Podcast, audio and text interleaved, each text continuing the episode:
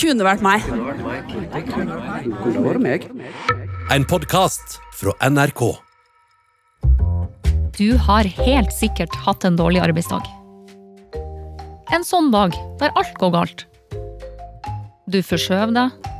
Du mista bussen. Du velta kaffe over hele tastaturet.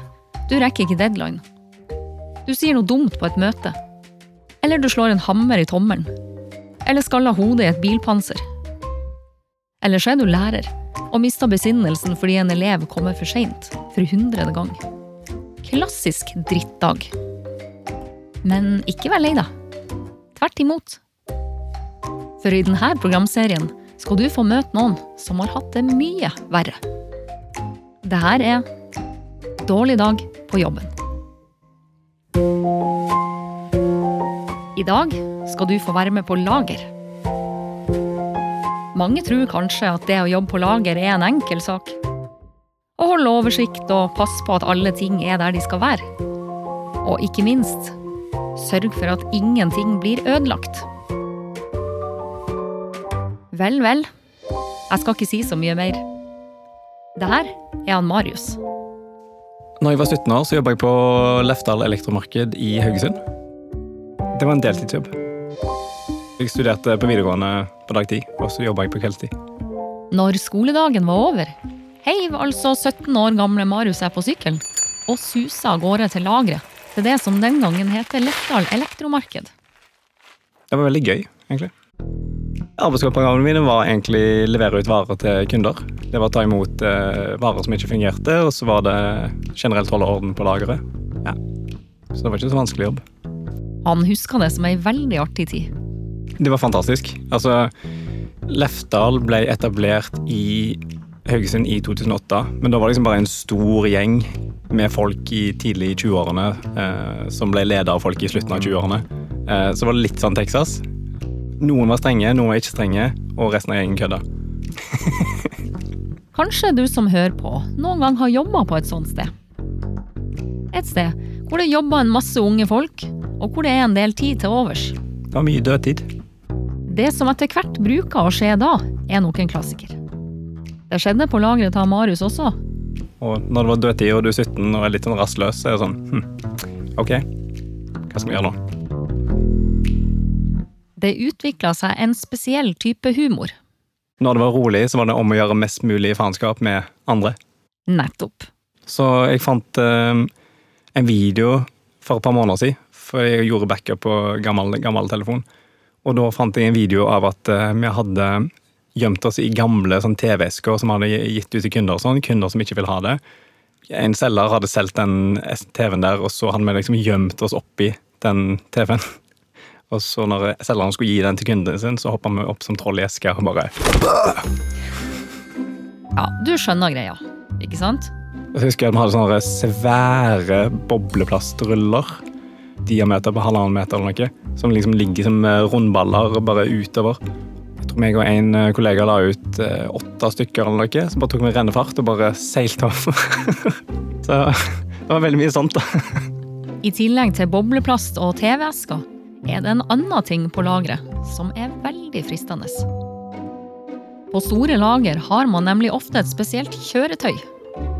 Nemlig gaffeltruck. Han Marius har egentlig ikke lov til å kjøre den, men rett som det er, gjør han det allikevel. Jeg hadde meldt meg opp til truckers, um, så tenkte jeg at jeg skulle lære meg dette her på egen hånd. Så når dørene gikk igjen, og jeg var alene, så tenkte jeg ja, altså det er lettere å få tilgivelse enn tillatelse. Og så durer han på. Vi hadde lagd en sånn sirkel. Eh, så vi hadde kjøleskap eh, i midten, som ei øy.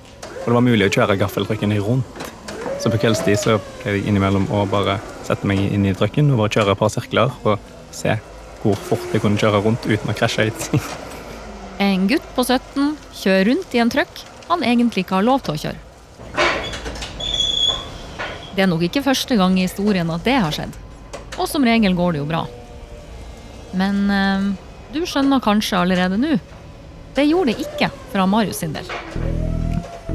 I bunn og grunn var denne dagen i 2008 helt vanlig. Det var en sånn typisk sånn rolig kveld, og eh, Tenkte jeg skulle rydde lageret. Vaske og gjøre liksom shine opp lageret, sånn at sjefen, Dag Magne som han heter, kom på jobb dagen etterpå og tenkte fy faen, når Marius er på jobb, da blir det i gang. Da, liksom, da blir det ordna. Det var liksom målet. Så det gjør han. Han Marius ordner hele lageret. Han systematiserer alle varer. Han setter alle esker der de skal være. Og når jeg har fått ordna alt så, og begynte å koste og sånt, så sto det en eh, svær sånn gaffeltrykk i veien.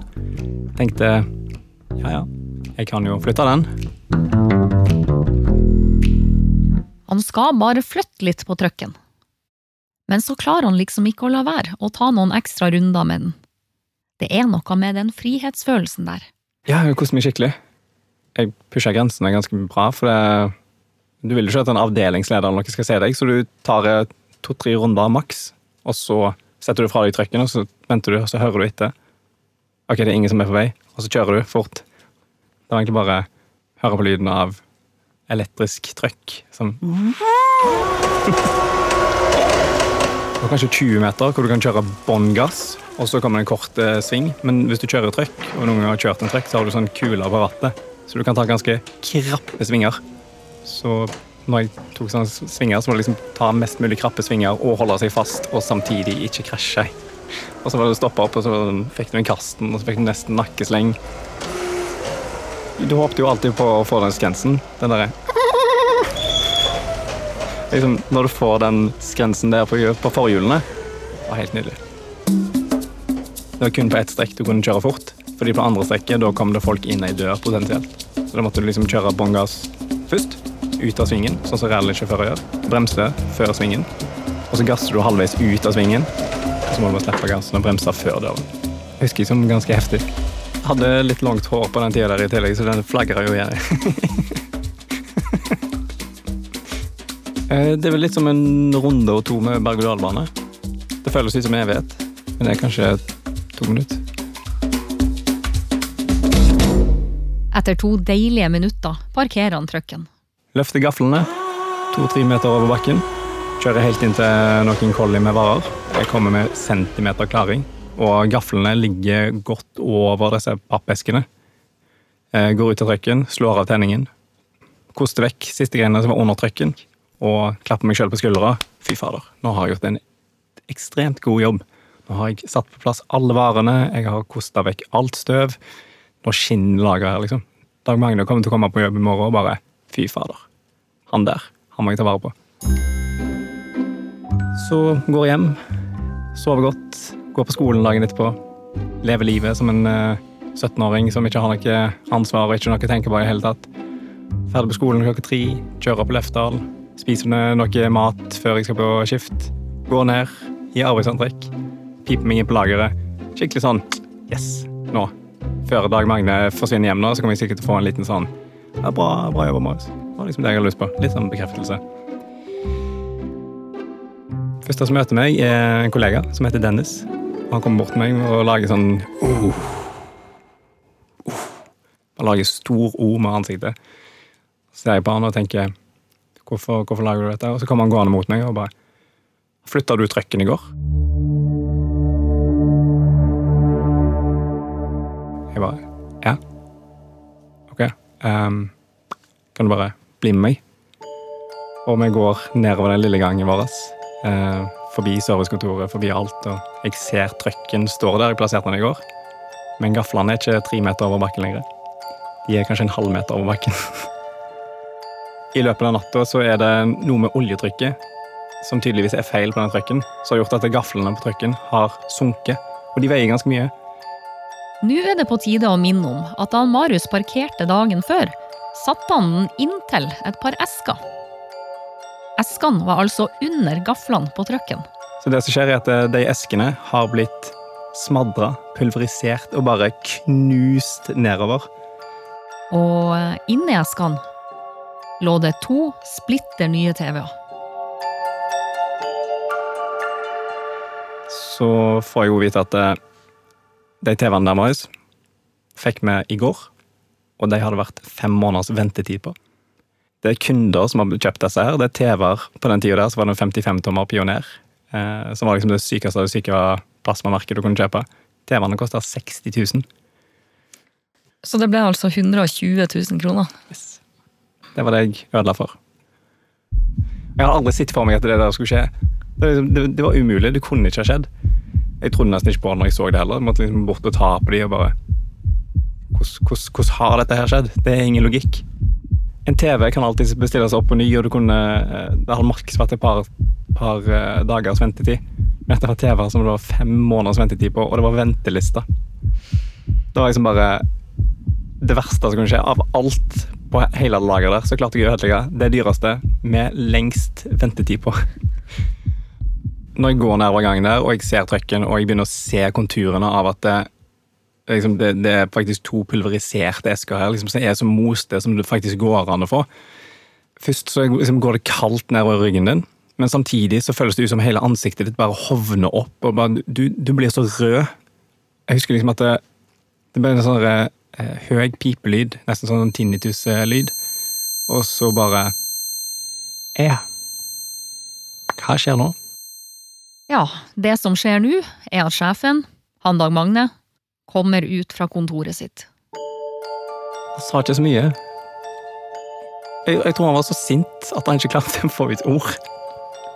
Det er nesten verre. Han Dag Magne er så sint at han Marius blir nødt til å gå på varesjefen sitt kontor i stedet. Det er som å gå til rektor. Jeg kommer opp, eh, banker på, han sier 'kom inn'. Setter meg ned i stolen. Jeg er sånn Ok, nå, nå ryker jobben. Det er no mercy her. Han sitter og skriver litt på Svarer sikkert på et par mail eller et eller annet på meg skjermen. Eh, før han snur seg til meg og lener seg tilbake og bare 'Det skal ikke skje igjen, dette her'. Jeg bare 'Nei, det skal ikke skje igjen'. Han bare 'Ok'. Han Marius mista altså ikke jobben. Det han derimot mista, var sitt gode navn og rykte. For selvfølgelig hadde alle på lageret fått med seg det som hadde skjedd. Og naturlig nok ble den lille incidenten som bensin på bålet for dem som hadde tøysa og tulla så mye før. Du, du slipper jo ikke unna i det hele tatt. Jeg fikk høre det hele tida. Alltid. Av Dennis, Dag Magne, av Ole Kristian. Og de nye folkene som kom etter der, de fikk liksom vite det. Sånn, han der, pass på når han kjører trøkk. Pass på at han ikke er i nærheten av TV-er. og eh, jeg husker det var en avdelingsleder, alltid når han så meg og trøkk, som han Pass deg for TV-en, Marius. Du skal ikke hente TV nå. Pass deg for TV-en. Jeg fikk diplom på julebordet for den største blemma som noensinne har blitt gjort i Lefdals historie, liksom. Og hvis jeg møter de rette folkene den dag i dag, så kan jeg fortsatt høre det. Det er åh. Så du fortsatte å kjøre trøkk? Jeg fortsatte å kjøre trøkk, sånn i smug. Veldig forsiktig. Satte aldri gaflene over en eneste vare ever igjen. Hva jobber du med i dag? Eh, I dag så er jeg fotograf. Selvstendig næringsdrivende. Hva skal du gjøre nå? Nå skal jeg tilbake til studio og rydde på lageret. Jeg har et utstyrslager med forskjellig fotoutstyr. Mm, lykke til. Tusen takk.